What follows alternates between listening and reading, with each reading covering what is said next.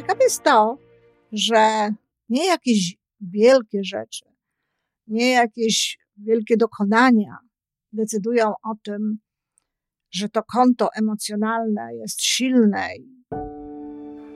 Żyjmy coraz lepiej po raz 902.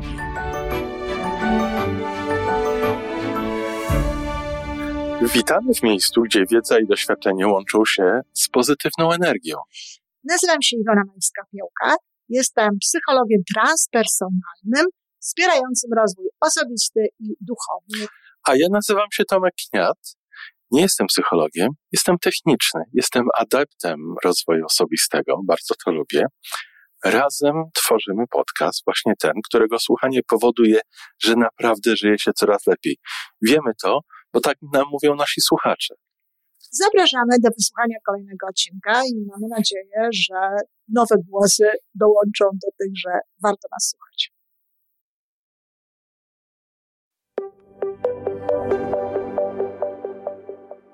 Dzień dobry, kochani rodzice.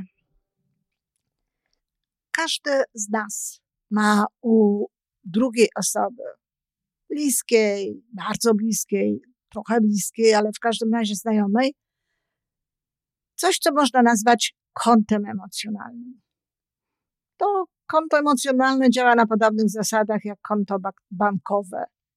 Chodzi po prostu o to, aby mieć na tym koncie jak najwięcej wkładów, jak najwięcej zasług, w cudzysłowie oczywiście, u danej osoby. Ciekawe jest to, że nie jakieś wielkie rzeczy, nie jakieś wielkie dokonania decydują o tym, że to konto emocjonalne jest silne i pracuje dla nas. Za chwilę powiem, co to znaczy, że dla nas pracuje, ale małe rzeczy, małe rzeczy, drobiazgi różnego rodzaju, a wśród tych rzeczy małych rozmowa, słuchanie empatyczne, ale w ogóle też bycie takie ciepłe, miłości pełne bycie z dzieckiem. Dzieci chcą z nami być. Dzieci w każdym wieku chcą z nami być. Jest to tak naprawdę dla nich najważniejsza sprawa.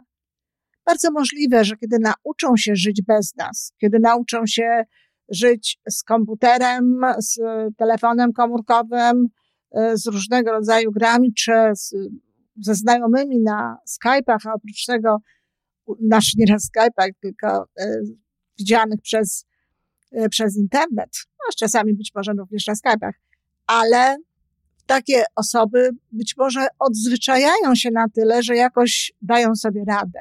Ale to jest kwestia dawania sobie rady a nie szczęścia, tak naprawdę. W związku z tym, dość ważną sprawą jest to, aby zadbać o tę obecność naszą w życiu dzieci. I to się wydaje niby oczywiste. I są rodzice, którzy głośno boleją nad tym, że nie mają czasu na to, żeby spędzać go właśnie z dziećmi, ale ja zastanawiam się, czy to jest tylko kwestia czasu. Dlatego, że wiem sama po sobie, że w każdym momencie mojego życia, jakkolwiek nie byłabym zajęta, czegokolwiek bym nie robiła, a naprawdę bywały takie momenty w moim życiu, że miałam tych zajęć bardzo dużo, znajdowałam czas na to, na co chciałam go znaleźć. I zanim wyjechałam do Polski, bardzo często znajdowałam właśnie ten czas dla moich córek, dla Weroniki, dla Magdy. Można tutaj posłużyć się nawet, jeśli ktoś naprawdę ma bardzo dużo pracy i bardzo dużo różnego rodzaju zajęć, można tutaj posłużyć się takim udogodnieniem, można powiedzieć, czy takim planem, o którym mówi i, pisz, i pisze, mówił i pisał Stephen Covey, o którym ja również wspominałam w różnych miejscach. Mianowicie można spotykać się z, dzieci, z każdym z dzieci raz w tygodniu. Czyli jeżeli mamy dwoje dzieci, to co drugi tydzień spotykamy się z tymi dziećmi. No, Kowej miał dziewięcioro, no więc łatwo policzyć. Każde dziecko e, spotykało się z nim co dziewięć tygodni. To był cały czas, jaki on, ach, podobno, mógł wygospodarować dla tych dzieci. Natomiast jeśli jesteśmy już wtedy z tymi dziećmi, to jest to spotkanie, o czym też już tutaj kiedyś mówiłam, których one są reżyserami, one są osobami wiodącymi, po prostu dostosowujemy się do tego, czego one sobie życzą. Czyli ten czas z dziećmi jest bardzo ważny i on jest ważny w każdym wieku.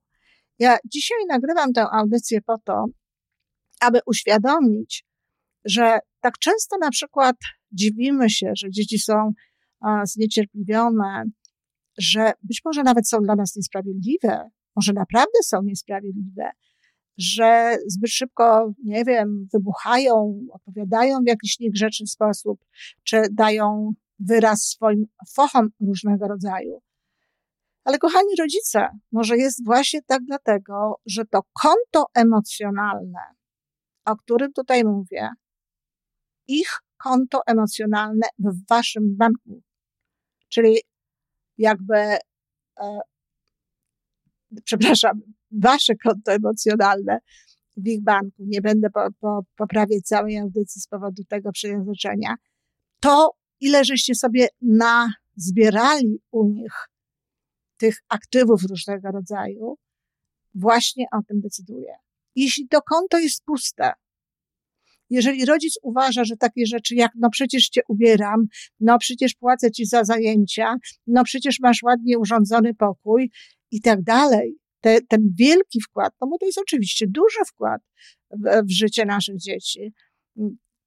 Być może nawet jakieś pieniądze dawane im na wycieczki czy innego rodzaju rzeczy.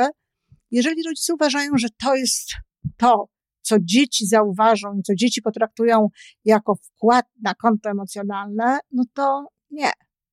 Nie w tym wieku, nie w tym momencie.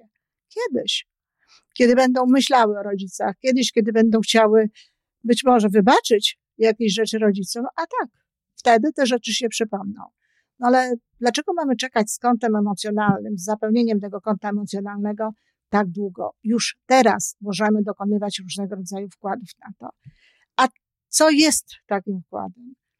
A na przykład kupienie jakiegoś drobiazgu, ale takie z serii tego, czy z rodzaju takiego, czym dziecko się interesuje. Zapytanie go o jakieś ważne dla niej rzeczy, nie o egzaminy i tego typu historie, to oczywiście też, ale to zwykle o to pytamy. Natomiast o jakieś rzeczy, o których wiemy, że pracowały nad tym, albo w ogóle, że ważne to było dla nich, albo że się dzieje coś takiego w ich życiu, gdzie udało im się jakoś wstrzelić naszą wolną chwilę i powiedzieć tam o tym. Być może to są nawet jakieś rzeczy z gatunku, że przyjaciółka ma problem, czy kolega, więc takie zapytanie na ten temat ma sens. E, kupienie jakiegoś, nie wiem, e, smakołyku dla dziecka, czy przyrządzenie, czy zrobienie jakiejś specjalnej potrawy, to są wszystko takie właśnie drobne rzeczy, które mają znaczenie, ale także przytulenie, przytulenie cmoknięcie gdzieś po drodze, wejście na chwilę do pokoju, żeby powiedzieć kocham cię, czy, e, czy wszystko w porządku. Natomiast ważne jest, żeby organizować z tymi dziećmi spotkania w każdym wieku.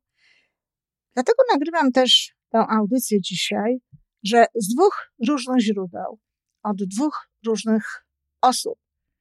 Dotarła do mnie informacja, że nie mogą się spotkać ze swoją matką, że zabiegają o to spotkanie, że chcą się spotkać, że nawet proszą o to, ale okazuje się, że no mama nie ma czasu, albo że tak się układa, albo że w ostatniej chwili coś odwołuje. No a takie spotkanie ad hoc, takie niezapowiedziane, nieumówione, no nie jest w ogóle raczej możliwe, dlatego że w obu wypadkach e, mamy są kobietami bardzo aktywnymi i zajętymi. Zatem te, bo w obu wypadkach były to dziewczyny. Dziewczyny, no jedna proszę sobie wyobrazić, już dziewiętnastoletnia, ale mieszkająca w domu, mieszkająca z rodzicami. I ta dziewczyna również czuje potrzebę kontaktu z mamą większą niż ta mama jest gotowa to zaofiarować.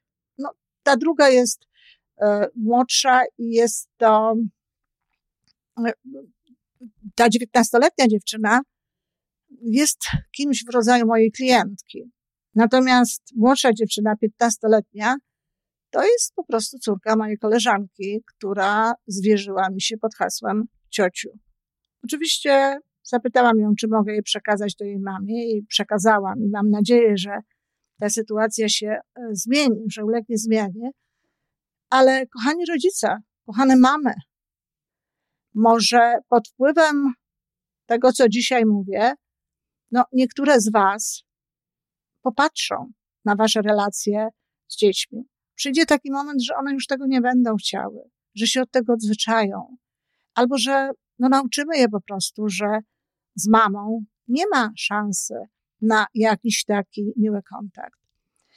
Dlatego popatrzcie, czy przypadkiem nie możecie zaprosić swoich dorastających córek na lody, czy na jakiś inny deser, może na kawę, jeżeli e, to już jest taki e, etap, że e, kawę, możemy się napić również kawy. Zaproście i posłuchajcie.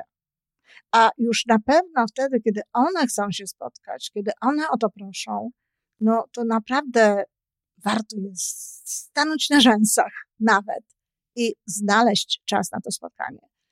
Dlatego, że tak jak powiedziałam, są to z jednej strony wkłady na to konto emocjonalne, które potem zapewniają to, że dzieci są dla nas milsze, bardziej wyrozumiałe, że nasze relacje są lepsze, ale z drugiej strony jest to czas z dzieckiem, który tworzy więź.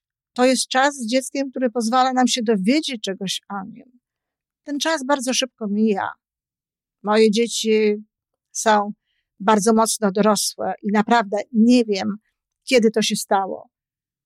I choć wydaje wam się w tym momencie, że jest mnóstwo różnego rodzaju ważnych spraw, wiem, byłam tam, byłam w tym miejscu, że jest mnóstwo ważnych spraw i że przecież no, jesteśmy z tymi dziećmi gdzieś tutaj pomiędzy obiadem a spaniem, pomiędzy e, myciem się a gdzieś tam jakąś krótką rozmową, to to jest niewystarczające.